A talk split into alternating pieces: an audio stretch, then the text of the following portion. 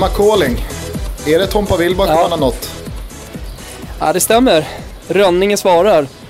Hur är Du är ju läget? på Mallis. Oh, jag sitter väl eh, lite avundsjuk eh, måste jag ändå säga. Jag har sett bilderna när du ligger och jäser som en säl där nere i Palma. Ja. Det är också roligt, jag funderar på det. Eh, nu säger ju alla som ska till Mallis, för Mallorca för mig kommer ju alltid vara Mallis. Nu säger ju alla att de ska till Palma.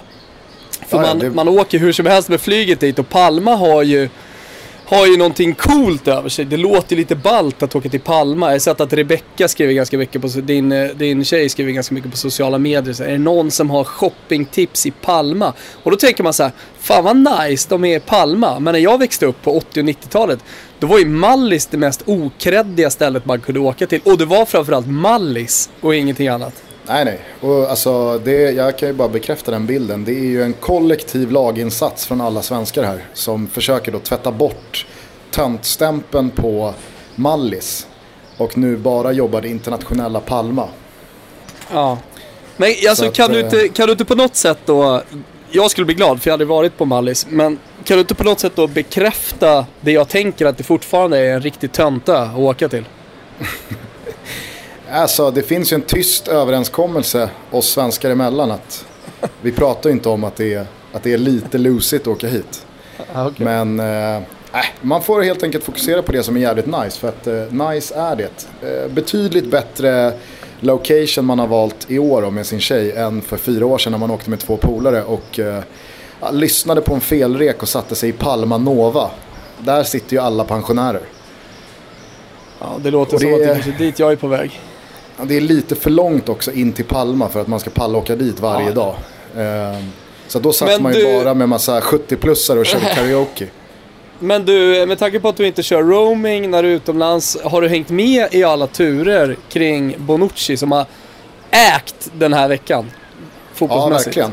Eh, verkligen. Jag kör ett par intensiva kvartar här och där då jag febrigt slår på mobildatan, Ja. kickar igång roamingen och så bara liksom exploderar då telefonen med ja, dels eh, massa glada tillrop från eh, lyssnare som uppskattade dels Albin-avsnittet, eh, dels eh, då eh, som har velat lösa biljett till Östersundsbåten. Och det är ju Mm. Där kul eh, båda tryggt i. Ja, det gör jag. Sen så vill jag ju vara noga med att eh, påpeka här att jag är ju högst medveten om att insatsen mot Galatasaray kanske inte tar Östersund närmre något SM-guld. Kanske snarare då längre bort ifrån en eventuell guldstrid i höst. Då man förmodligen eh, lägger allt krut här nu på att ta sig vidare. Eh, kanske tappa några poäng ytterligare då mot toppen. Men det fungerar ju samtidigt för mig som ett, ett bevis på det jag försökte prata om eh, mellan alla gånger jag blev avbruten av dig för två veckor sedan när jag då verkligen eh, ville eh, signalera att Östersund har någonting riktigt, riktigt stort på gång. Sen så visst, Galatasaray är två veckor in. Du och jag pratade om det i telefon igår att det var ändå ganska väntat att Galatasaray dels skulle vara jävligt otränade, förmodligen skulle underskatta Östersund som fan och att de då, du såg den här matchen, det gjorde inte jag, men eh, att du bekräftade ju då att det, det var väldigt tydligt på Östersundsspelarna att det här var ju deras livsmatch och de var ju taggade till tänderna. Nej men Eh, eh, ibland, ibland är det ju så, alltså när, eh, man brukar prata om underskattning. Eh, I det här fallet så fanns det ju flera faktorer för Galatasarays del, eh, rent negativt, eh, som blev så übertydliga. Det är sällan det blir så tydligt också. Dels det som du är inne på, alltså motivationen. Det här var ju en match som Östersund, dels som stad men också som lag och klubb, hade sett fram emot. Och det var, alla visste om att det var den största matchen som de någonsin hade spelat. Det, det- är det första, men eh, det andra är ju den här underskattningen som Galatasaray kommer in i som också blev så otroligt tydlig trots att Östersund öppnade i ett sånt högt tempo, trots att de tryckte ner Galatasaray i början. Men så fort de fick övertaget av bollen, eh, så fort Galatasaray blev lite tunga i den första halvleken, då, då kunde man nästan liksom se på dem att ah, men det här spelar vi av, det här, det, här, det här blir inga problem. Men det de inte visste var ju att Östersund hade ett par, tre riktigt bra moments kvar i den matchen. Och det är det som är, jag tycker det är så skönt, alltså när man sitter och håller lite på en underdog, som i alla fall jag gjorde i den här matchen. om man sitter och håller på en underdog, så är det så jävla skönt när det väl får resultat och att det får resultat. För det är så ofta man sitter där och håller tummarna för en underdog och sen ger det aldrig resultat. Det är en, eh, ja, men det är en försvarare, en försvarsbjässe som steppar upp i sista hundradelen. Det är målvakt som storspelar. Det finns ofta så mycket klass i laget de möter i, hos favoriterna som gör att eh, det aldrig, att, att det aldrig ger resultat i slutändan. Och så kommer den här tyngden. Ofta så är det det då som blir vinnande i längden. Tyngden eh, och, och att det finns spets. Eh, ja, men det räcker med, till exempel som jag tänkte lite i den här matchen. Det, det kommer räcka med att Gomis blixtrar till, eller någon annan. Är du med? Ja. Förstår du? Verkligen. Nu var, nu var det väl snarare så att uh, Maikon blixtrade till på fel sätt. Ja, exakt. Han har Stod möjligtvis Jamie Hopcat för den sista avmygningen av Maikon? Nej, mycket möjligt att han gjorde det. Det var, ett, det var ju eh, också, också roligt att han kommer in, han som är en supersub, och gör det målet. Alltså det må, jag, jag följde ju bara på sociala medier efter spelet. Så rullade det ju ganska kraftigt. Eh, det var väl Jamie Hopcats biggest moment i hans karriär. Med all respekt för att jag kan, kanske inte riktigt har 100% koll på Jamie Hopcats totala karriär. Man kan väl ganska milt uttrycka det som så att alla i Östersunds FK upplevde väl sin karriärs största stund i torsdags. Jo, så är det. Det, det, har, det har du helt rätt i. Alltså det jag tänkte på, eh, det är ju, alltså det, det man inte får glömma bort här. Nu är jag säker på att spelarna fokuserar, men liksom lite fansen och allting runt omkring Östersund nu. Det, det är att det här är en 180 minuters match. Jag vet, det, det är många liksom som har påpekat det, men, men eh, Galatasaray har ju hur mycket mer som helst att ge. Och när de dessutom åkte på den här feta smällen, 2-0 målet. Jag, ja, jävlar vad det kommer tagga dem i, i, i returen. Och tänk om de får det här eh, första målet i den första halvleken dessutom. Då blir det inte en rolig match för Östersund. Och du vet ju Ja. dessutom vad det är för arena Östersund ska ner till. Frågan, jag, jag undrar hur välbesökt den arenan är i juli i en kvalmatch. Alltså med en publik som är bortskämd om man får säga så då, med betydligt större matcher än eh, en Ja. kvalmatch mot Östersund. Alltså även fast det inte kommer vara fullsatt och det kanske inte kommer vara lika stort tryck som det är mot eh, en Du vet turkisk du vet ju vad det är, eller vad det är mot ett europeiskt. Men det var det jag hör att du vill komma det till också. Det var därför jag sa som jag gjorde. Det kommer ju benämnas som den kokande kitteln. det, det är exakt det det kommer göra. Det är en gryta. Det är en kokande Ja. kittel. Vi är Sen är, det där. ju lite, sen är det ju lite trist då att eh, den har bytt namn då till Türk Telekom. Eh, alltså det, det fanns ju någonting mycket mäktigare när den hette då Ali Samiyen. Fast hur mycket skiter man inte i att en arena byter namn? Alltså hur, hur mycket kör man inte på med det gamla arenanamnet? Alltså jag har Ja, jävligt arenor- svårt, ja, men jag har arenor- jävligt svårt att se Juventus-fansen kalla Juve Stadium för Allians Stadium. Eller vad det nu blev i slutändan. Allians är i alla fall med. Nej, nej, absolut. Men samtidigt så finns det ju vissa arenor som har, eh, om man då ska kalla det för lyckat eller misslyckats med att eh, bevara det gamla namnet. Det kanske bästa exemplet är ju Dortmunds då, Westfalen som heter Signal Iduna Park numera, men som ingen då säger Signal Iduna Park. Eh, men jag, vill ändå eh, känna här, nu får väl alla våra turkiska lyssnare rätta mig om jag har fel, men det känns som att Türk Telekom Arena har ändå landat och fastnat. Och att det är ingen som benämner det som den gamla stadion. Ja, det, är, det är kanske mycket bättre. Det har jag ingen aning om. Skitsamma, men- jag men, tycker i alla fall att det där 2-0 målet, eh, det är, det är intressant att se när ett dubbelmöte förändras så pass mycket förutsättningsmässigt inför andra matchen med ett mål. För att skillnaden på 1-0 och 2-0 är ju enormt. Eh, hade Östersund bara inom citationstecken vunnit med 1-0, ja då blir det ju en helt annan eh, förutsättning och gameplan tror jag från Graham Potter. Med 2-0 målet så är det nästan att det borgar för att Östersund borde åka ner och gå för att göra mål. För att då måste Ja, ju Galatasaray göra fyra. Ja, men skillnaden är ju att eh, Östersund vann hemma mot Galatasaray. Och det är en fjäder i hatten. Det är något slags bevis på det du är inne på. Ett jävligt, dels hårt jobb och att eh, klubben är på väg i rätt riktning. Medans 2-0 är, ja men eh, nu, nu, har vi, nu har vi avancemanget i våra egna händer. Ja.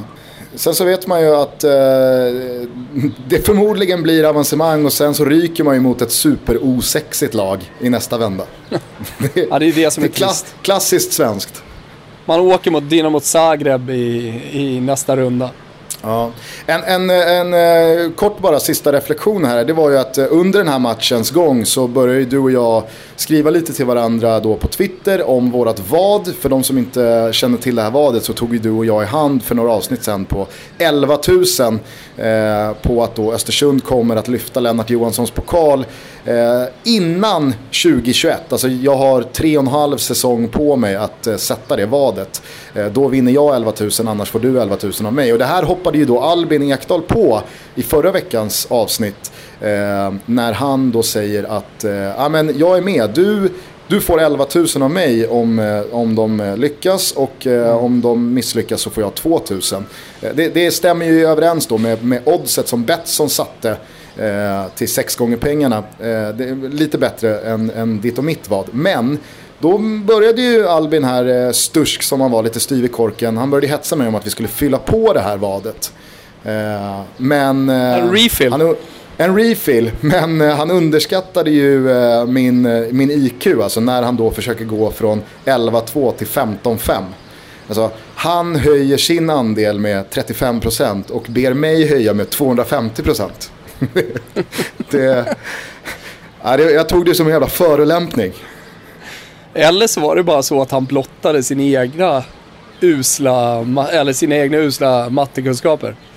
Ja, Albin eh, har ju en aura kring sig av att eh, här finns det ett läshuvud. En, en akademisk eh, människa bor i den här fotbollskroppen. Men mm. det där förslaget, det, varningsklockorna kring matte B började ju ringa ordentligt. Ja, det var inga MVG i matte C, Gusten. Ja, men jävligt roligt i alla fall. Och eh, liksom, eh, jag såg highlightsen och målen och kul att se alla bilder och firandet och läsa intervjun efteråt. Men framförallt att se då hur, hur, hur eh, den skeptiska majoriteten kring Östersund svängde ändå och började inse det jag och många andra redan har insett att Östersund fan i mig är på riktigt. Det om det kanske. Ska du tillbaka till Bonucci? Ta mig igenom denna, ah, egentligen eh, vill jag ju benämna det som en jävla saga. Ja, eh, exakt. Eh, vi, vi, kan väl ta det då från eh, ax till limpa, eller jag på att säga. Eh, jag vet inte hur långt bak vi ska gå. Alla känner säkert till att Bonucci är fostrad i Inter.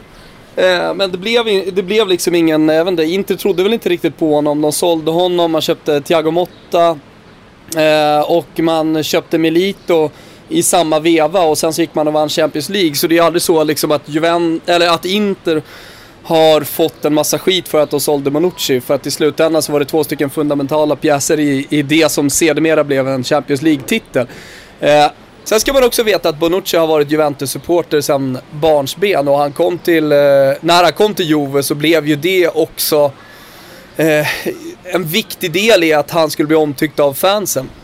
Och sen så har ju han växt med det här Juventus. Jag tycker att han nästan är det tydligaste exemplet på den utvecklingen Juventus har gjort. Om man bara kollar rent individuellt. En spelare som kom eh, från eh, att vara extremt talangfull i Bari till att faktiskt vara lite ifrågasatt. Jag kommer ihåg eh, att jag själv var lite så här tveksam till Bonucci.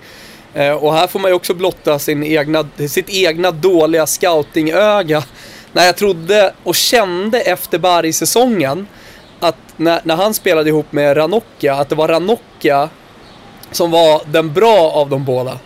Att det var Ranocchia som skulle bli den stora eh, försvarsspelaren. Så blev det ju inte, nu sitter vi med facit i hand. Men i alla fall, han utvecklades och, och blev ju verkligen en symbol för dels ska jag säga renässansen, Juventus renässans, att eh, komma tillbaka och vinna igen. Eh, men sen också för den här vinnarmentaliteten som Juventus alltid har stått för, det man alltid brukar prata om, sitter i väggarna där borta.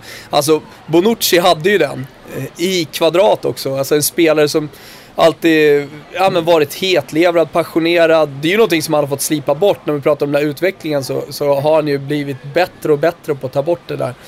Eh, de där, alltså en del blunders under, under matcherna. Fram till då den här slipade världsförsvararen som han till slut blev. Dels en pelare i det italienska landslaget och, och som många faktiskt eh, pratat om under hela den gångna säsongen, en av de absolut bästa försvararna i världen. Och det också, inte bara för hans försvarsegenskaper utan kanske främst då för att han dessutom har ett vapen som många försvarare inte har. Extremt fina fötter. Han börjar ju, kan man ju påminna om också, han började ju som, som mittfältare. Och, och skolades sedermera om till mittförsvarare. Men, men det, här, det här är ju det alla känner, känner till. Sen är det ju väldigt många som har frågat mig varför i helvete det här är möjligt. Hur kan eh, Leo Bonucci, som för ett par månader sedan spelade Champions League-final i Cardiff mot eh, Real Madrid, välja att gå till Milan? Man har backat bandet till eh, efterspelet av den finalen, eller inför finalen, hur ni nu vill, och, eh, och tänk att någon skulle skriva att om två månader så skriver Bonucci på för, för Milan. Den liran hade ju blivit halshuggen.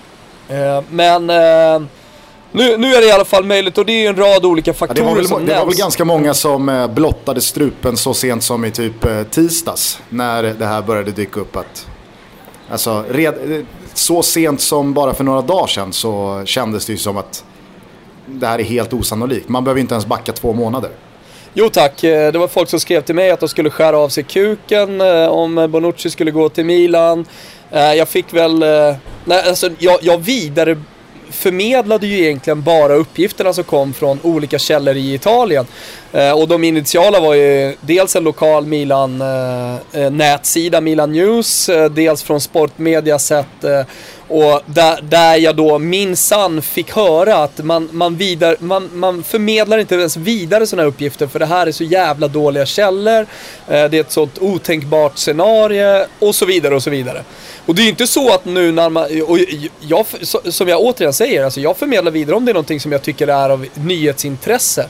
Uh, inte, jag, jag, har inte lagt någon egen värdering i det. Men det är ju inte så att så här, man i efterhand får någon som säger du jag ber om ursäkt om jag var lite dryg där. Uh, eller att jag sa så här, fan bra, bra jobbat ändå.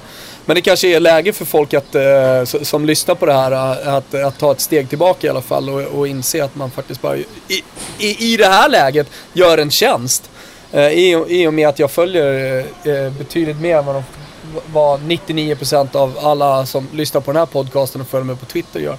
Rätta mig om jag har mm. fel, men kan det inte också vara läge att påminna de som kanske har missat det eh, i eh, starten av eh, Bonuccis vara eller icke vara i Juventus? Att för ett år sedan så var det väl ändå ganska konkreta intressen från Manchester City och Chelsea? Jo, men jag tänkte komma dit också. Det, det, man ska komma ihåg i det här läget, alltså när man hör 40 miljoner från Milan, folk tycker att priset är så lågt. Det har faktiskt talats om 90 30 miljoner euro. Så att jag menar, här, här har vi halverat och lite till. Eh, det, det, är att Juve tackade ju nej till eh, 65-70 miljoner euro för ett år sedan. Alltså ett konkret bud från Chelsea. Eh, för, för, att man eh, ville behålla honom. Men man såg ju ändå liksom att Bonucci 30 plus kanske skulle kunna tänkas gå till ett annat land. Att han var lockad av det. Där var man ju helt fel ute, eller alla som trodde det. Eh, det, det, är det ena man ska komma ihåg. Och sen så då, varför är det här möjligt? Eh, och det går ju bara att spekulera, det är ju ingen som har uttalat sig officiellt om det här än. Men om, om, man, om jag då får ta det, som är den mest troliga förklaringen till att eh, Bonucci väljer att lämna Juventus. Eh, så, så är det ju dels matchen mot Palermo i februari i år. Där eh, han hamnar i en dispyt med Allegri. Vad som ligger bakom exakt, det kan ju ha varit saker tidigare, förmodligen är saker tidigare, men hamnade i en dispyt mot eh, Allegri. Vilket ledde till att eh, Bonucci, på ett ganska förnedrande sätt skulle jag vilja säga, men, jag, och återigen, det, det, det är inte säkert så, eller jag, jag säger inte att Allegri gjorde fel, men han satte i alla fall Bonucci på läktaren, så han satt ju på en barstol, han sitter på en barstol, ser ganska deppig ut under matchen mot Porto. En viktig match i Champions League. Där han alltså ändå vill markera mot resten av laget att här är fan jag som bestämmer. Återigen, hade det här varit Conte då hade folk kanske hyllat det. Nu, nu, nu vet jag inte riktigt vad folk tänker om Allegri. Han, han har inte riktigt den auran kring sig att vara den typen av ledare som straffar stora spelare som Bonucci, men, men, men det var i alla fall eh, uppseendeväckande och redan då så började det ju talas faktiskt om en flytt. Men, men det, var ju, det var ju kanske då rena spekulationer från tidningarna i Italien. Men, men eh, det som sen hände eh, var ju att Juventus vann eh, och, eh, ligan, de gick hela vägen till finalen, men i halvtidspausen så ska det ha varit en dispyt mellan Dani Alves, Bonucci Eh, Dybala och Barzalji, där även Allegri ja, som ledare såklart skulle ha varit inblandad. Alltså någonting har ju hänt i det omklädningsrummet, i pausen, i Cardiff. Andrea Agnelli har uttalat sig i en lång, alltså presidenten i Juventus har uttalat sig i en lång intervju och sagt att ingenting hände i Cardiff. Eh, Allegri själv har sagt att ingenting hände. Eh, så, så att det, det har ju kommit dementier. Men jag tror, alltså för att jag menar, någonting ligger ju här. Jag tror att någonting hände i Cardiff. I om det var i paus, om det var efter matchen, jag har ingen aning om. Men det har skurit sig rejält. Kolla på Dani Alves då, som valde att gå till PSG och som på presskonferensen, som en riktig liten råtta kan jag tycka, sitter och, och säger att han har kommit till en, till en klubb med ambition. Eh, och en, en klubb som faktiskt kan vinna Champions League. Det är ju en det är ju direkt hån mot Juventus. Och i samma veva så sitter han och tackar alla supportrar och tack för tiden i, i Juve och liksom så här, han, han, han han delar ut några kängor men ser ändå till att fansen typ ska gilla honom. Jag vet inte vad jag tycker om det. Eller jo, jag vet vad jag tycker om det. Jag tycker att det är fittig stil. Men, men... Ja, eh, in, in, innan ja. du fortsätter, vill du höra mig mm. knäcka en långburk San Miguel? Äh, alltså om jag vill. Jag är så långt ifrån det. Du, du sitter, du, du, nu tänker du så här, jag är, jag är på Palma, säger man det eller? Jag är i Palma. Thomas sitter och, och kör någon monolog eh, på Borell Maner här om eh, Bonucci. Jag knäcker en jävla långburk San Miguel och lyssnar vidare, är det så? Jag knäcker en långburk och lutar mig tillbaks här. ja, gör det. Jag har inte så jävla mycket kvar hörni, ni som tycker att det börjar bli tjatigt. Men, men, men det är viktigt, jag, och jag tror att det är många som är intresserade vad, vad det är som har hänt. Eh, ja, men så de två ses ju då som, som eh, nyckelfaktorer, att han inte var nöjd och att han därför eh, ville lämna Juventus, eller det är ju uppenbart. Eh, PSG för två veckor sedan uppvaktade eh, Juventus och eh, ville köpa Bonucci. Bonucci sa tvärnej, han vill inte flytta till Paris. Och här börjar folk undra, varför i helvete väljer han Milan? Stora pengar utomlands eh, och på tal om det Dani Alves säger då, stora ambitioner. Men redan kortsiktigt, redan det året som kommer, lag som spelar i Champions League. Hallå, här finns Chelsea, säkerligen fortsatt intresse. Här finns säkert eh, intresse från City och en rad andra storklubbar. Alltså varför väljer han Milan och varför väljer Juventus att sälja till Milan? Ja, men då finns det ju först och främst en policy då i Juventus eh, Eh, som eh, är mer eller mindre officiell och uttalad. Eh, som handlar om att man säljer spelare som är missnöjda eller så, är missnöjda men som, som vill lämna klubben. Man vill bara ha det som man säger är motiverade spelare. Ja, och sen så eh, har ju uppenbarligen då Bonucci valt att inte flytta utomlands. Eh, jag vet inte hur många som känner till det, men han har en sjuk son som till och med har varit nära att mista livet. Och eh, eh, vad jag har förstått också är fortfarande i behov av läkarvård. Jag tror, i och med att jag känner till eh, den italienska kulturen, eh, det finns ett begrepp, begrepp som heter mamoni, eh, att man eh, är väldigt mammakära i Italien. Jag har ju alltså kompisar som fortfarande bor hemma. Jag är 79 och de är i samma ålder som mig. Alltså välutbildade civilingenjörer och läkare som bor hemma hos mamma fortfarande. Man flyttar inte hemifrån förrän man är 40 plus, träffar en fru och, och, och gifter sig. Uh, jag, jag har till exempel Lo Lorenzo Maugi, en polare som precis har börjat backpacka. Han är född 1979, precis som jag. Eh, och, ja, men det var ju synd att du, alltså, det var ju synd, det var ju synd för min uh, skull att du hann säga det här. För det var det jag tänkte komma till. att det här känns ju som verkligen Mamoni 2.0. Alltså, mm. Det här ringar ju in att även fast uh, många italienska fotbollsspelare klassas som några av världens bästa. Så mm. är det väldigt många som ja, men till en väldigt hög utsträckning ser det som otänkbart att lämna Italien. Ja, exakt. Och, och jag menar nu när både Inter och Milan, eh, förutom Juventus då, verkligen börjar satsa och verkligen börjar betala ut den degen. som eh, spelarna kan tjäna i utländska klubbar. För, för de är ju ekonomiskt tillbaka och kan faktiskt konkurrera. Eh, ja men det, det, man ser är ju att de här unga talangerna, de stannar ju inom Italiens gränser nu. Och även eh, i Bonuccis fall, kolla bara på Bonuccis fall då, etablerade spelare som stannar. Fast de säkerligen har kunnat tjäna och, och krämat ut någon extra miljon på euro per år genom att gå utomlands. Nej, men, ja, men, så, det, bara men, titta på fotbolls-Europa senaste 20 åren alltså. Eh, eller om vi ska säga på 2000-talet då, för att jag tror att alla nog är överens om att eh, Italien var kanske världens bästa liga hela vägen fram till 90-talet blev 2000-talet. Eh, sen dess så har du ju liksom, vadå, en eller två lyckade italienska spelare i andra stora europeiska ligor än Serie A. Det är ingen slump. Nej, exakt. Det, det är ingen slump och, det, har, och det, det är det som folk ibland missuppfattar eller får lite om bakfoten det här med att ja, men den, den italienska ligan är så dålig så att eh, eh, de, de, andra stora ligorna är inte intresserade av deras tjänster. Men det har ju fra, mm, eller betydligt mer att göra med att de faktiskt vill stanna i Italien, även om de kan tjäna mer pengar. Men, men eh, eh en annan, eh, en annan sådär historia var ju för något år sedan när jag var nere i Florens och hälsade på en kompis. Jag frågade, jag visste att han precis hade flyttat Sen frågade jag, har du en bäddsoffa man kan slagga på någon dag? Då sa han, nej men det är lugnt, du får lägenheten så här. Det, det är inga konstigheter. Då visade det sig då att han hade ju flyttat 100 meter från mamma och pappa. Och eh, så hade han renoverat lägenheten så den var ju då i toppskick i centrala Florens. Men han hade fortfarande inte flyttat en enda pinal in i lägenheten. Han bodde fortfarande hemma hos sin morsa och farsa. Så jag frågade honom, vad, vad håller du på med? Jag har ju fått hela lägenheten. Du, du, bor du inte här? Du, du har haft den här jättelänge. Ja, nej. Men alltså det är det här med tvätta och laga. Jag är ändå alltid hemma liksom. Man får, man, vet, man får mat och så vidare. Alltså en snubbe som nästan är 40 bast som åker liksom till ett stort företag jobbar som civilingenjör. Åker hem till mamma och, och du vet, få frukost på sängen på morgonen.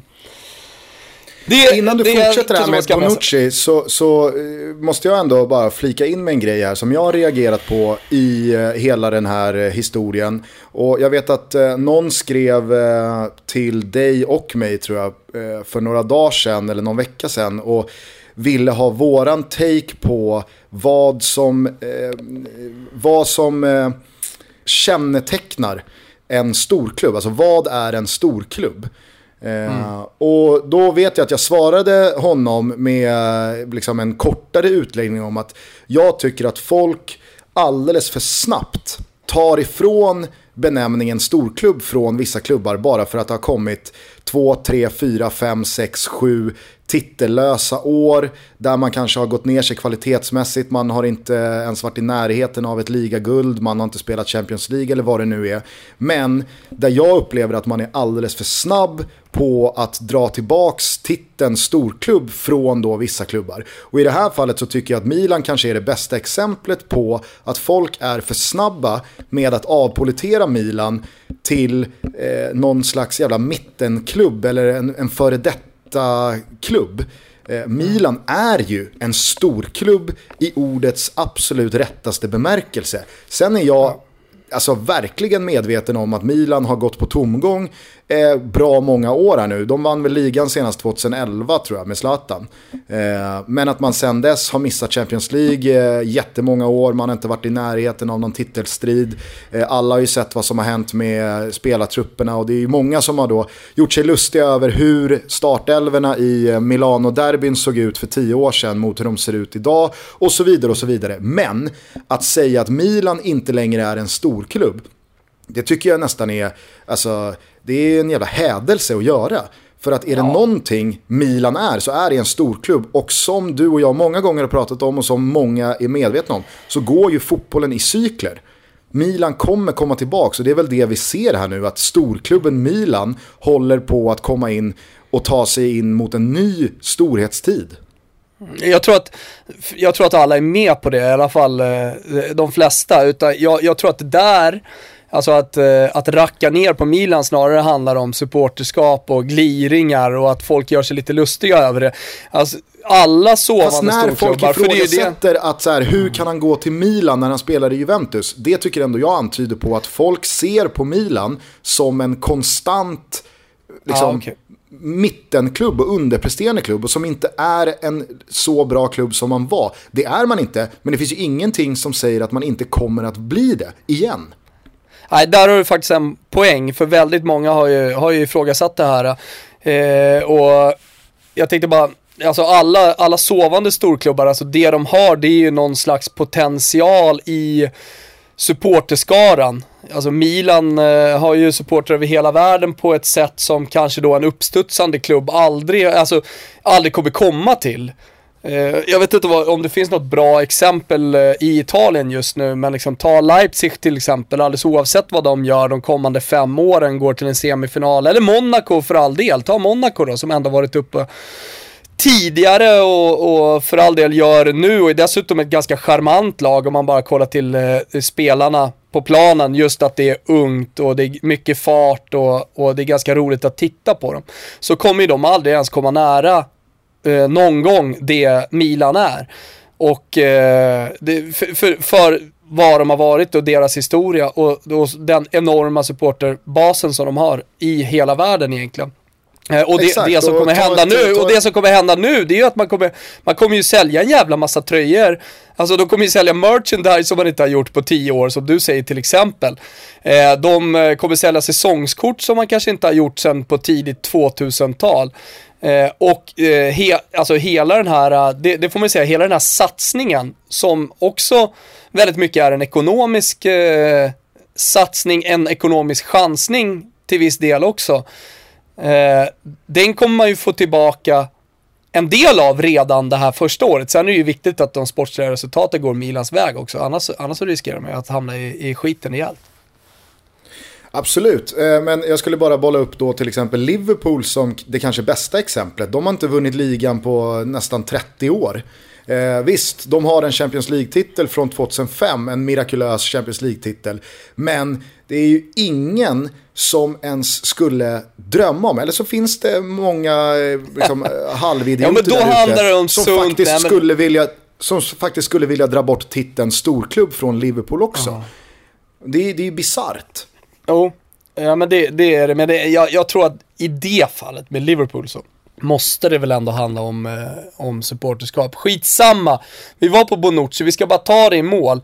Varför väljer han till slut Milan? Eh, jag vet inte, nu raljerar vi lite kring det här med Mamoni, men det är också ett faktum att, att italienarna är väldigt hemkära. Eh, det är också med språk att göra, att, man, att man, man gillar ju att kommunicera, italienarna gillar att kommunicera, inte bara med händerna, men också med varandra. Så, så kommer man utomlands, då blir man helt plötsligt väldigt osäkra eh, för att eh, folk inte pratar italienska.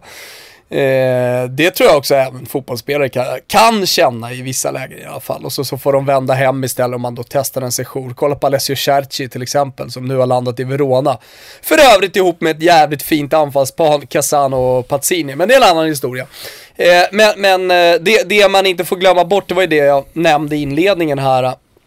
Eh, eh, att eh, Bonucci har en sjuk son. Jag vet inte hur mycket som faktiskt har att göra med det. Och är det så att man helt enkelt väljer bort eh, alternativet eh, att spela i en annan klubb i ett annat land bara på grund av eh, sonens sjukdom, ja men då, då måste man ju respektera det fullt ut. Och men varför säljer man då till, till Milan och varför är prislappen bara 40 miljoner? Jo, Juventus har helt enkelt sin policy. Bonucci vill inte spela kvar, då får han gå. Vad är det bästa alternativ, eller vad är det bästa budet då från eh, en, en klubb i Italien? Jo, det kommer från Milan och eh, de betalar inte mer än 40 plus bonusar och då, och då kränger man helt enkelt av det. Många är ju kritiska till hur Beppe Marotta, eller hela, eh, kanske ännu mer rätt då, man får, för, här, här, om man drar in kvartetten i alla lägen det går bra för Juventus och pratar om Nedved, Agnelli, Paratici och Marotta, då måste man även göra det när, när man kritiserar. För här är jag helt övertygad om även presidenten varit inblandad. Här har också Pavel Nedved och Paratici varit inblandade. Eh, så det är inte bara Marotta i så fall som, som ska ha skiten, men, men eh, det har i alla fall varit ganska stark kritik mot honom, att hur han har hanterat det här och att man överhuvudtaget kan sälja för 40 miljoner. För när Milan, när man började prata om Milan, då började folk garva, scrollade förbi uppgifterna, eh, hånade mig för att jag ens eh, eh liksom tog dem seriöst och förmedlade dem vidare. Eh, men när man dessutom då fick höra, för det första budet var ju 50 miljoner euro, det talades om att De Chilio skulle vara eh, en del av affären, att han skulle gå till Juventus eh, för att Allegri tycker att, eh, eh, ja, men han, han, han tycker att han vore perfekt i högerkanten. Eh, då, då, då baxnade ju folk när de såg liksom, den låga summan. Hallå, han är värd 90, vi tackade nej till 70. Aldrig i livet att vi säljer. Och dessutom då till en potentiell konkurrent om scudetton. Men eh, de, alltså dels eh, cheferna i, de olika klubbarna, inte minst Juventus, får ju, ja, men vi får ju vänta på att de talar och se, se vad de säger. Och sen får vi vänta på att Bonucci också uttalar sig självklart också om varför han har valt att gå då från en Tottenpåle i Juventus till att bli kapten, för av allt att döma så har han också dealat till sig kaptensbinden. Eh, han har gjort en Svante ja, Samuelsson. Han har gjort en Svante Samuelsson. Påminner alla lyssnare om att han är den sämsta spelaren, den sämsta spelaren på huvudet i förhållande längd och faktiskt utfall där han nickar. Ironin då AIK, att han gör AIK sitt första mål, att han gör sitt första mål på huvudet i ett derby. Ja, ja exakt. AIK körde i taktiken under flera år att skicka långt på Svante Samuelsson. Oavsett om det handlade om eh, backlinjen, eh, mittfältet eller bara långa inkast. Allt skulle gå på Svante Samuelsson. Vann inte en nickduell. Får jag bara bolla upp två korta eh, bitar här som jag tror ändå kan ha spelat roll. Mm. Jag vill ju tro, alltså det, det kanske är bara en hemsnickrad teori som du om två minuter skjuter ner. Eller kanske tidigare om du känner att nej, nu är du ute och cyklar. Men det kan väl kanske finnas vissa spår av också eh, jakt på en ny utmaning. Alltså, jag tror inte man ska underskatta att vissa fotbollsspelare drivs av eh, uppförsbackar. Alltså har du spelat som given i ett lag som har vunnit sex raka ligatitlar. Jag tror att det kan finnas en, en liten, liten mättnad i det. Att ah, vad fan, det vore väl kul att testa något annat. Eh, och dessutom så tycker jag att Bonuccis då, om, om vi ska tro de här uppgifterna från dels Palermo-matchen och dels från Cardiff-pausen, så verkar ju Bonucci vara, och det signalerar han ju med all tydlig önskvärdhet även på plan, att det är en spelare och person som vill ha jävligt mycket att säga till om. Alltså, mm. han, han eh, står inte bara tyst och lyssnar och nickar, utan han säger sitt hjärtas mening, han säger ifrån när han vill, han ryter ifrån när han tycker någonting är fel och han liksom, markerar när han tycker sig bli pissad på. Det kanske också spelar in i att, ja men vad fan, i Juventus så kommer jag alltid vara nummer två eller tre eller fyra eller fem bland massa stora spelare. Nu har jag chansen att gå och bli den ohotade nummer ett i en storklubb där alla kommer lyssna på mig, där mitt ord kommer bli någon slags lag. Mm. Ja, alltså det, det är som är alltid. Alltså, jag, tror att det, jag tror att det finns eh, många olika faktorer. Men att det finns en utlösande faktor och att det i det här fallet har att göra med eh, relationen, framförallt med Allegri. Och sen så finns det ju positiva effekter av det, till exempel som det du pratar om. Men att det inte påverkade och att det inte var avgörande när han i början av sommaren gick i valet och kvalet, hur fan ska jag göra i framtiden? Är du med? Eh, eller, ja. eller liksom, det, det, var en av de positiva faktorerna som han intalade sig eller som han vägde in. Men att i slutändan inte var på något sätt avgörande. Men du har ju rätt, alltså det som händer är ju ja, men någon slags liten nytändning då om, man känner, om han nu känner eh, den här mättnadskänslan. Ja, och sen och hade du en till då, faktor. Mm. Och har han då om du, eh, om du eh, liksom förmedlar korrekt fakta här att han har dealat sig till en kaptensbindel så tycker jag ändå det underblåser lite det jag är inne på ännu mer. Att han är sugen på och vill vara nummer ett. Så kan det ju mycket väl också vara. Alltså, han har i alla fall alltid haft den auran av att eh, någon gång i framtiden vilja vara kapten och med tanke på att, eh, med tanke på att eh, Buffon nu aldrig verkar sluta så kanske han känner att eh, här, här finns en möjlighet.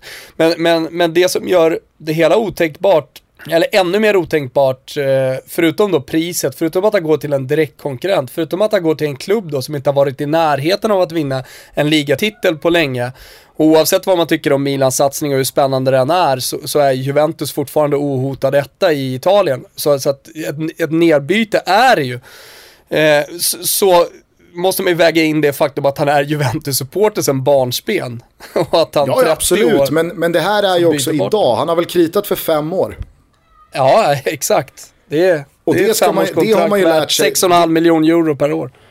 Ja, men det har man ju lärt sig av fotbollen att fem år, det är en jävla evighet. Och även fast det skiljer oceaner mellan Juventus och Milan idag, så kan det gå mm. jävligt snabbt på två, tre, fyra transferfönster, två säsonger. Jag ser inte alls som någon omöjlighet att Milan inom bara två år är tillbaks i den absoluta toppen av både italiensk fotboll och är tillbaks inne i Champions League och absolut är en klubb som då ska gå vidare från ett gruppspel in i ett slutspel. Och vad då? Då har Bonucci tre år kvar på sitt kontrakt. Ja. Ja, men det, självklart, som sagt, det finns säkert många olika faktorer. Där har du, där har du en, eh, en, eh, en som talar för liksom att han skulle flytta. Vill du säga någonting mer eller ska vi bara önska David Slettman då lycka till på cykelturen Milano-Neapel tur och retur? Ja, Milano Neapel, först ska han ju ta sig från Nybro ner till, eh, till Milano så att det är Nybro, Neapel och tillbaka. Det är ju en jävla resa. Och det här är alltså en eh, kille då som eh, skrev till dig att om Bonucci signar för Milan, för att han håller väl på Juventus va? Nej, det vet jag fan. Alltså, jag tror ingen vet, jag tror inte han själv vet vad fan han håller på. Ena dagen är det en sak och andra dagen är det något annat. Ja, han gjorde det i alla fall väldigt tydligt att om nu Bonucci går till Milan, då ska jag cykla från Milano till Neapel tur och retur.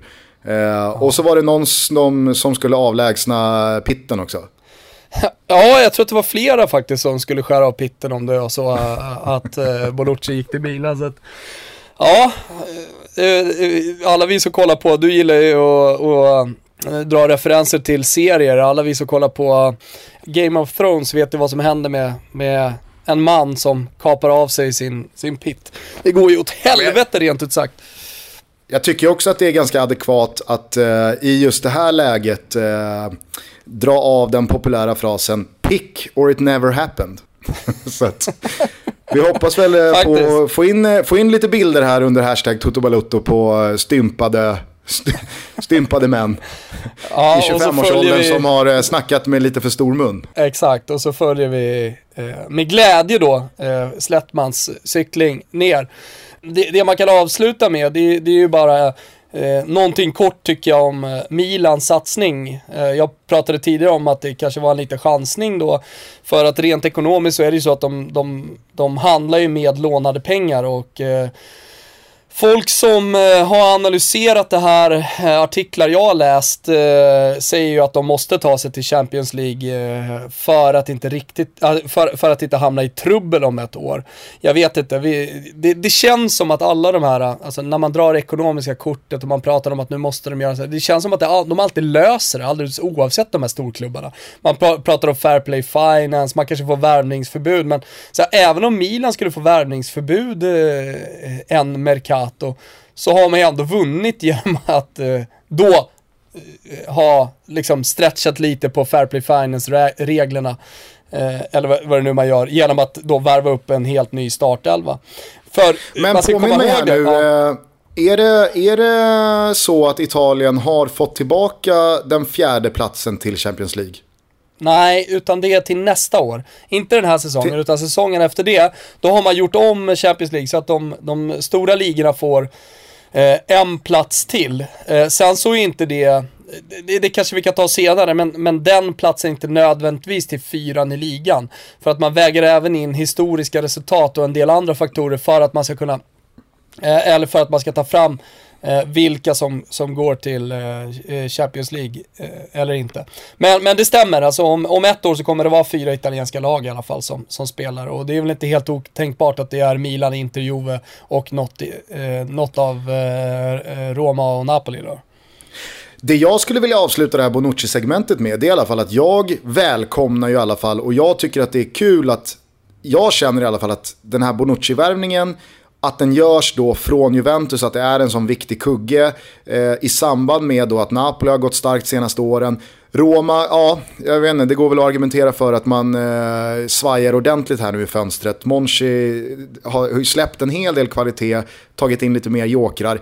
Inter är Inter, men det, det jag landar i är att det känns i alla fall som att Italien är på väg tillbaka att hämta sig från det här enklubbsväldet som har varit eh, i ganska många år här nu. Och det känns jävligt kul. Ja, nej, men det, och det tror jag alla känner. Jag tror att liksom Premier League-supportrar, eh, eller supportrar till Premier League-klubbar känner att man har saknat lite de här italienska storklubbarna, vara med och konkurrera i, i Europa. I och för sig, nu har inte alltså de engelska klubbarna, oavsett om de har haft pengar eller inte, varit med och konkurrerat om några Champions League-titlar på ganska många år. Eller, eh, eller sådär. Men, men eh det, det, det jag tror att, eh, alltså bredden har hela tiden funnits, alltså provinslagen, de stora provinslagen har nog inte tappat så här jättemycket gentemot då eh, andra ligor. Men det, det som man har saknat är ju den här spetsen som du talar om. Uh, att det inte bara är Juventus som kan vara med och konkurrera i, i, i Champions League. Och alltså, återigen blir det ju så extremt tydligt att man behöver mycket pengar för att kunna vara med och faktiskt uh, vara en utmanare och eh, att man ska vara med i snacket. För även om så här, Roma gör det bra i Italien och Napoli gör det bra i Italien så är de ju aldrig liksom eh, med i några som helst diskussioner om att ta sig långt i Champions. Nej. Men det kommer, det, kommer inte, det kommer inte gå speciellt lång tid om Milan och Inter nu fortsätter att värva för tunga pengar. Det kommer inte gå speciellt lång tid innan de helt plötsligt liksom hamnar precis bakom de allra största. Igen. Och där har du återigen ditt storklubbsresonemang. Ja, exakt. Ja, men jag skulle vilja dela ut en eh, liten kombinerad schnitzel och gulasch. Jag tror att det till och med är första gången vi gör det i Toto Balutto. Ja, okej. Okay. Uh, kör. Eh, det är, jag är lite skeptisk. det är Dalkurds tränare Andreas Brännström som inför i fjol jobbade ett par år med Isak vet du, i Hammarby. Aha. Eh, honom känner du till, Brännström? Eh, absolut, eh, vi pratade ju om honom här för, eh, du, jag och Isak pratade ju om, om honom för bara någon vecka sedan. När vi satt och drack ja. öl. Ja, men det är ju en eh, tränare, bara innan jag kommer in på gulasch slash snitsen då, att eh, hålla ögonen på. Eh, han gör ju stora grejer med Dalkurd. Han har ju fått utökat ansvar här nu sen Poyas Bagi lämnade, tog över Gävle. Eh, så att eh, Andreas Brännström kan ni lägga på minnet för er som ännu inte har eh, snappat upp honom. Det jag skulle vilja lyfta i samband med Brännström, det är att han igår, under den här korta intensiva kvarten, när jag slog på roamingen och eh, febrigt scrollade mig igenom eh, alla sociala flöden var att han då hade eh, twittrat eh, ut en bild på Sportbladets eh, artikel då om att eh, Malmö och FCK kan komma att mötas i Champions League-kvalet. Eh, och då benämnt det som att eh, det väntar ett hatmöte ifall de här klubbarna går vidare. Och att man då använder hatmötet i en positiv bemärkelse. Att det nästan är någonting spännande och sexigt. Och oj oj oj, nu, eh, nu jävlar ska vi dra på att det finns eh, hat inom fotbollen. Eh, som folk då ska, ska uppskatta. Då passade då det Brännström. Ja, exakt, och då har ju Brännström då twittrat ut den här bilden och skrivit Det känns märkligt att betala för kröniker om hur våldet måste bort från arenor och sen bestämma att det är hatmöte på gång.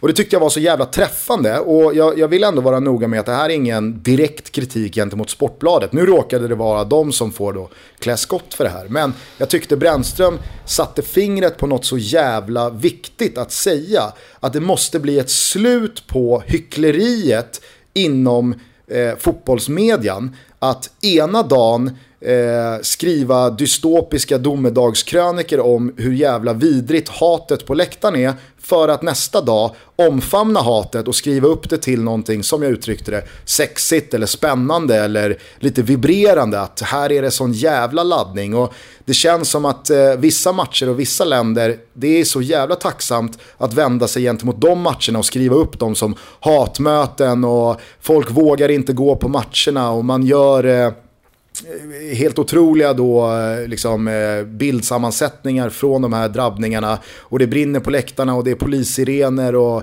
då är det så jävla coolt. Liksom. Då blir det en Hollywoodfilm av allting. Men nästa dag så är man tillbaka i hur jävla hemskt det är och att allt hat måste bort och vi ska bara älska på våra arenor och läktare och hatet föder hat och hatet föder våld. Och, alltså jag är så trött på den här hycklande inställningen till hat benämns det ju som i det här sammanhanget. Men jag gick då ut i en rant på Twitter och verkligen ville trycka på att hatet är en del, och inte en så jävla liten del heller, utan en vital del av det som är rivalitet. Och rivalitet är i slutändan, tror jag, enligt mig i alla fall, det som föder det som i grunden är supporterskap. Att det finns Aha. någon att tävla mot. Att det finns någon att hitta gemenskap kring, att vända sig emot. Sen så vet 99,9% av alla supportrar, om det så är till fotboll eller till andra sporter,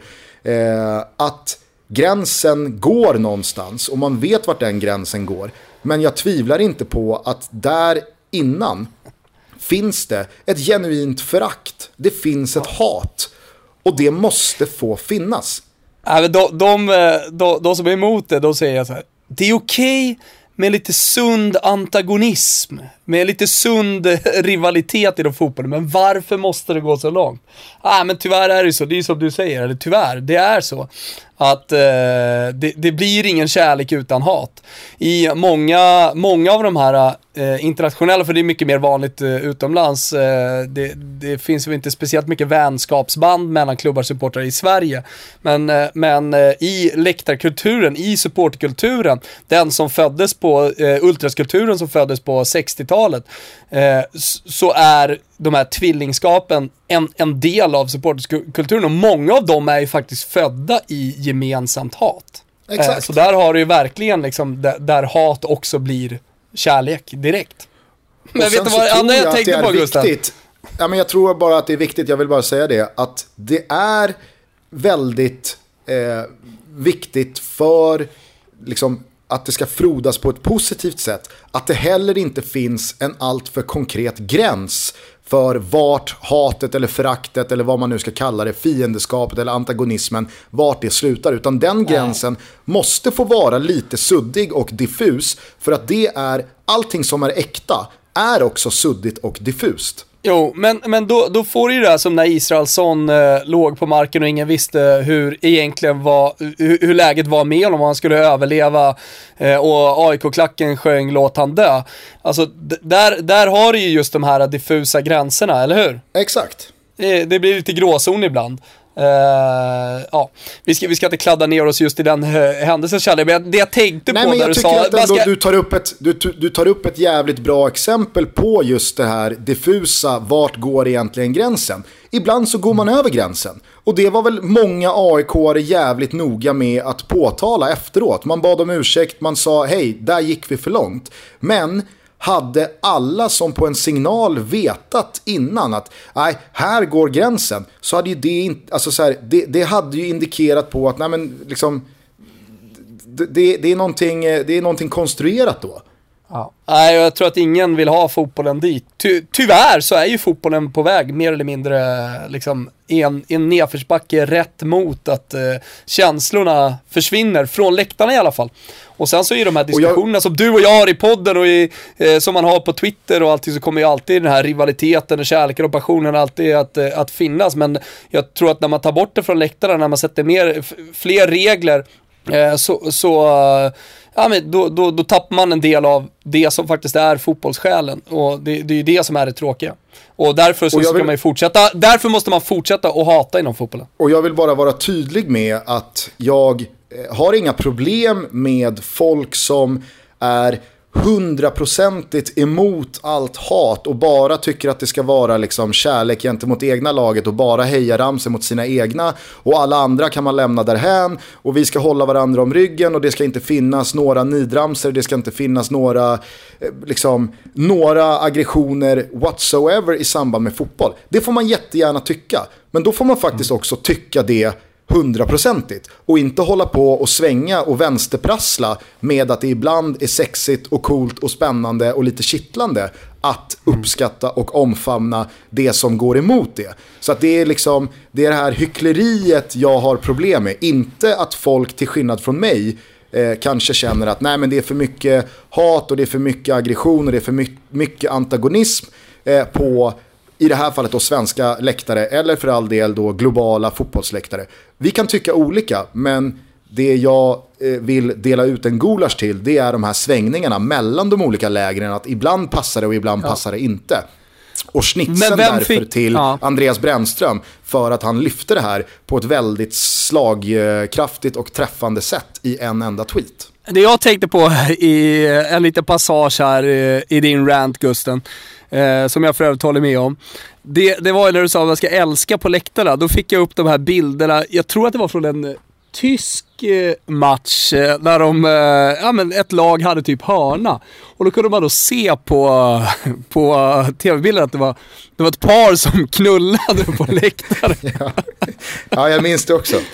Det är, det är så jävla samklang med Tyskland att det sker på en tysk läktare. Alltså det finns ju inget mer kåt folk, kåt nation än, än Tyskland alltså. Och det som, en, alltså det som jag tycker ringar in den tyska läktaren ännu mer, det är att folket runt omkring knappt bryr sig. Exakt, där, där står de och knullar, det är väl inget konstigt med det. det. Det är ju det bästa. Inte att det blir världens grej och att 50 pers står och håller upp kamerorna, utan nej, det, där står några och knullar och resten följer hörnan. Exakt. Vad är det för konstigt med det? Eh, jag vet inte, det blev ju aldrig någon grej heller. Jag trodde, jag trodde ju först att det var typ någon ny sån här uh, trend att man skulle pippa på arenor, alltså någon slags 10 000 meters klubb uh, inom, inom fotbollen. Men jag har inte sett uh, så många mer pippande par på slutet, eller sen dess. Nej, samtidigt så kanske det är liksom så här, nu är det gjort. Man vill inte vara tvåa på bollen. Nej, exakt. Och det är kanske är lika bra att det inte blir någon, någon trend av det i alla fall. Du, men, äh, alltså så här, mm. Nu kanske det är långburkarna som, eh, som talar här, men man ser ju mycket hellre ett par knulla på läktaren än någon snubbe sitta och onanera. ja, dit ska vi fan inte komma alltså. Då, då, då, då har fotbollen tappat det. det är fan daspo på det. Det är en bra jävla hörna då alltså. Ja, alltså om, om, om Pippet hyllas så är det ju dass på tillträdesförbud på, på onani på arenorna. Verkligen.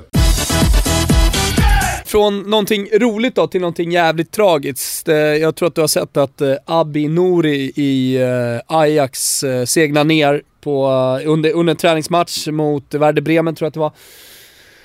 Och att han då låg i koma, det kom först lite positiva Uh, uppgifter om, uh, om hans tillstånd men uh, man verkar ha konstaterat här nu att han har fått men för livet, hjärnskador som kommer vara permanenta. Och det är ju för jäkla tråkigt såklart. När det väl ja, fan. Det, jag, hade, jag hade bara nåtts av eh, rapporterna där från träningen att han hade segnat ner men inga ytterligare rapporter. men det var ju Och det jävligt... Jag tänkte... fan att det är tillbaks. Så... Ja, det, det är så oerhört tragiskt. Eh, men eh, jag tänkte bara, anledningen till att jag tog upp det var för eh, att, jag antar att du har missat det, men jag kan berätta då att fansen till Ajax, som just nu befinner sig i försäsong de har, ja, men körde en marsch till Abinoris hem.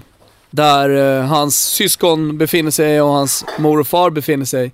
Alltså i, i massor för att visa sitt stöd eh, och sin, sin kärlek. Och eftersom det här, eh, den här episoden har handlat väldigt mycket då om eh, hat och kärlek och om supporterskap, eh, återigen, eh, i Toto Balotto då. Eh, så, så skulle jag vilja lyfta fram den här sidan av fotbollen som är så långt ifrån bara 90 minuter fotboll eh, en gång i veckan. Uh, utan att uh, den här passionen som vi pratar om och att man, att man tillhör uh, en klubb som en supporter och att det är en stor del av ens liv. det har så jävla positiva effekter och det kan ha så jävla positiva effekter också vid sidan av planen när det inte handlar om att, att sparka en boll i nät.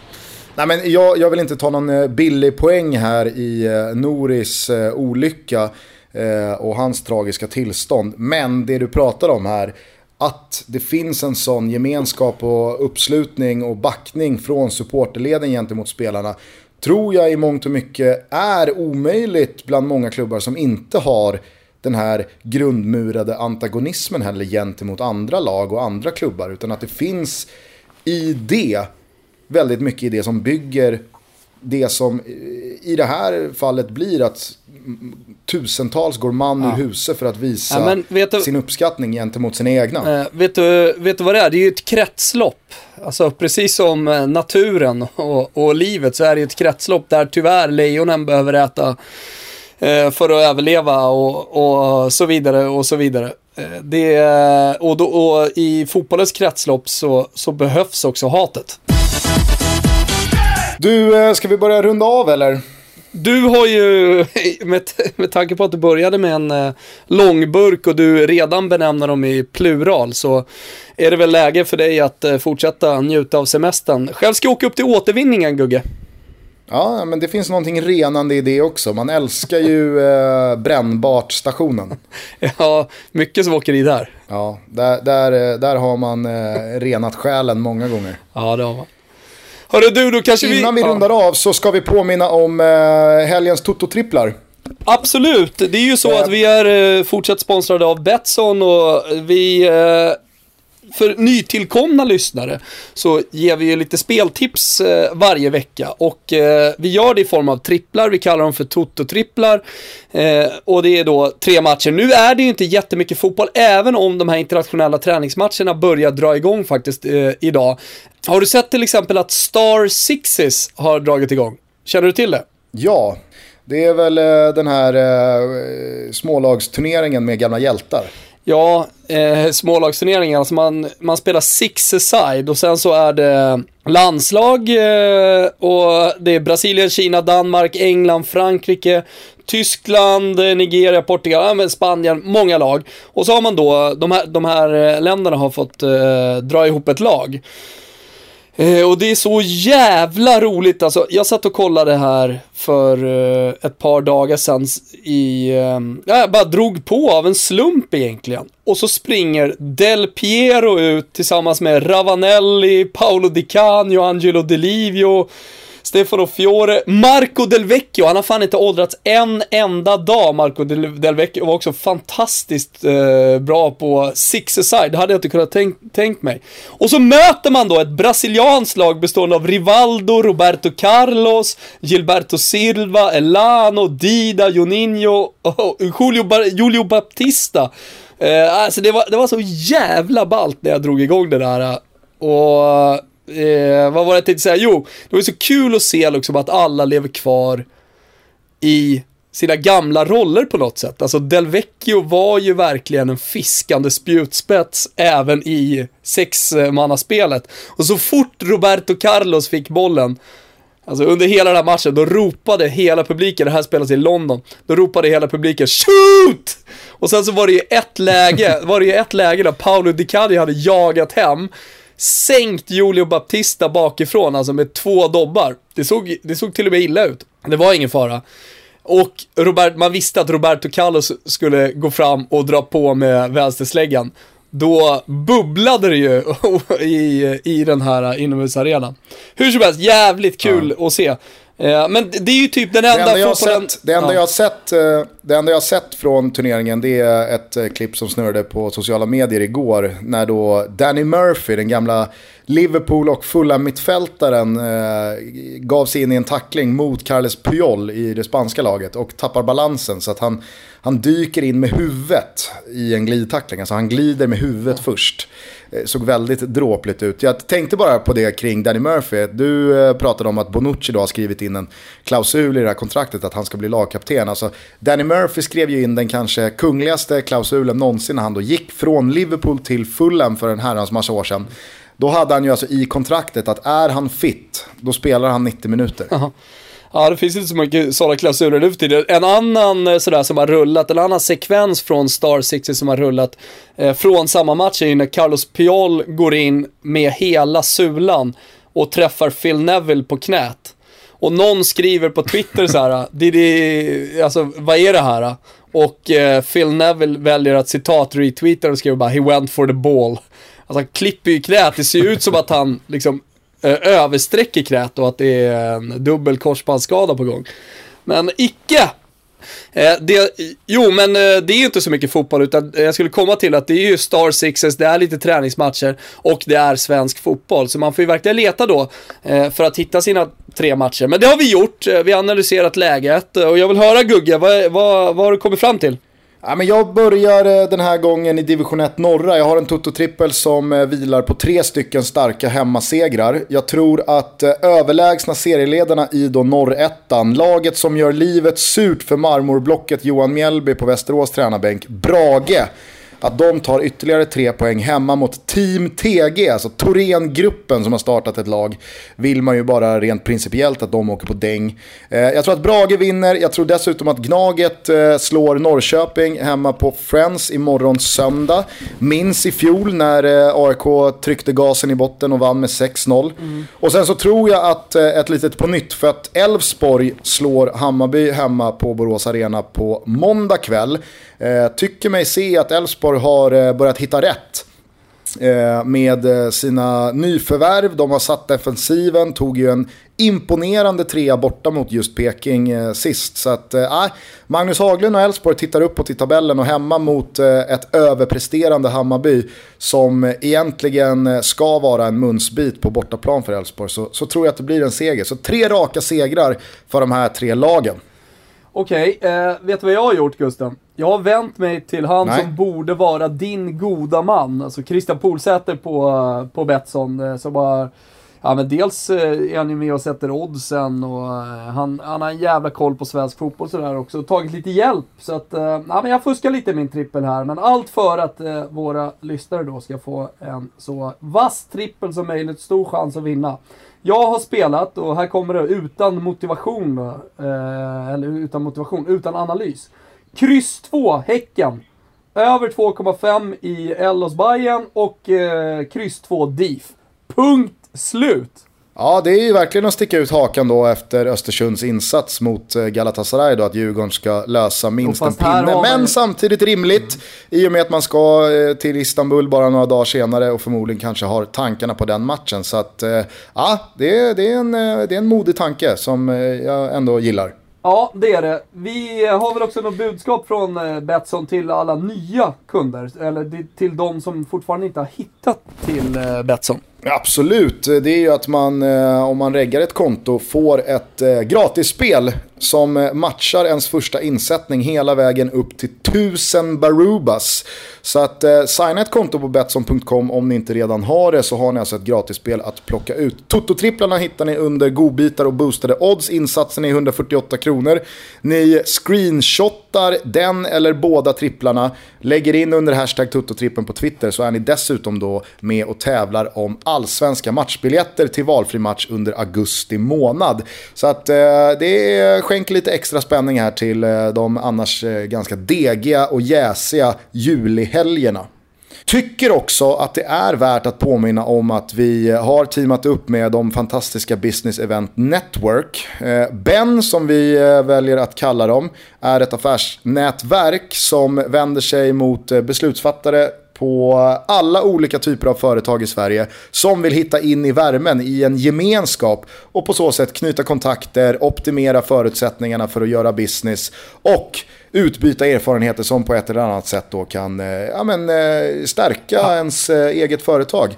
Och jag tycker ju att de som är svenskar och som på något sätt är inblandade i företag i Sydeuropa märker man ju här nere när man är på Palma eller på Mallis som eh, vi ändå i slutändan är. Att det finns så jävla mycket svenskar runt om i Sydeuropa också. Ja. Framförallt på sådana här charternästen som Mallorca.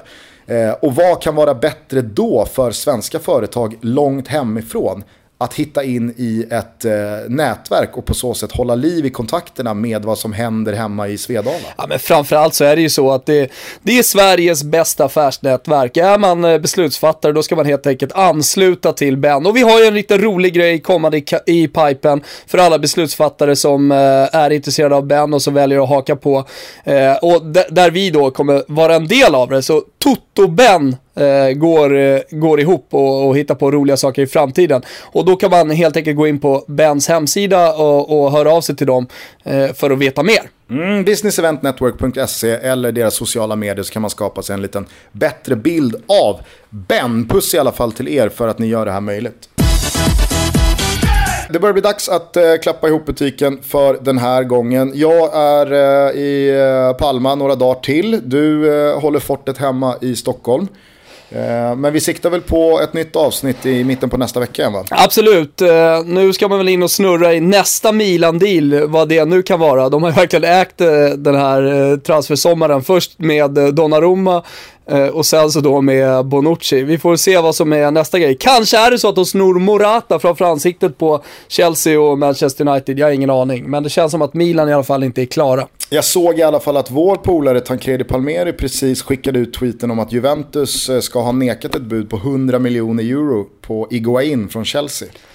Ja, ja, exakt. Alltså en, en sak är klar, det är att den här kapprustningen har börjat och det kommer kommer inte sluta här, för det finns fortfarande stora klubbar som behöver göra stora affärer eh, och som fortfarande inte har agerat på marknaden. Och eh, när då konkurrenterna börjar köpa stora spelare, ja, då, då, då vill det till att man svarar upp. Eh, så lite desperation tror jag vissa känner och, och som sagt garanti på att mer kommer hända, stora affärer kommer att eh, sättas. Du, vi brukar ju börja de här avsnitten med att eh, hylla några födelsedagsbarn. Jag tänker att vi idag ska avsluta det här avsnittet genom att den 15 juli så skulle jag i alla fall vilja skicka en liten tanke till min farmor som eh, hade fyllt 94 idag. Eh, jag skrev ju en text eh, om eh, när jag och eh, hon var på Friends Arena och såg Sverige förlora mot Österrike med 4-1 för snart två år sedan som eh, blev eh, jätteuppskattad av eh, många som läste den och som jag än idag är väldigt tacksam över alla fina ord kring. Hon avled ju i, i vintras men jag skulle ändå vilja skicka en liten hälsning till henne när hon idag hade, hade fyllt år och säga att jag tänker på henne. Ja men fint, då tycker jag att vi, vi äh, återpublicerar den här texten via våra, våra konton. För den, den, den hade verkligen mycket, och mycket tänkvärt och väldigt mycket kärlek. Så att den kommer på Facebook, äh, våra, äh, våra Twitter och på Instagram såklart också. Följ oss där, Mejla oss till totobaluto.gmail.com. nu tycker jag att vi lyssnar på Circle of Life, för det är lite vad den här podcasten handlar om. Ha en fortsatt eh, underbar eh, julig vecka så hörs vi snart igen. Och eh, så kan vi väl bara rikta oss till Anton Elin direkt och säga This was Toto Balotto time.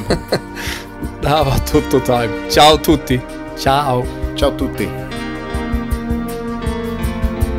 From the day we arrive on the planet and blinking step into the sun There's more to be seen than can ever be seen. More to do than can ever be done. Some say eat or be. Some say live and let live. But all I agree is to join the stampede you should never take more than you give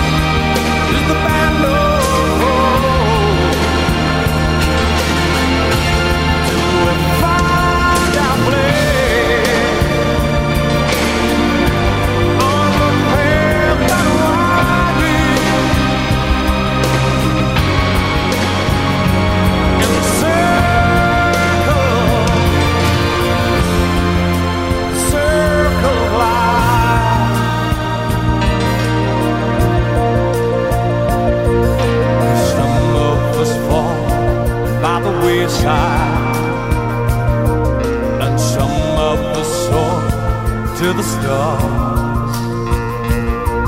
And somehow I sail through our trouble. Some have to live with the scars.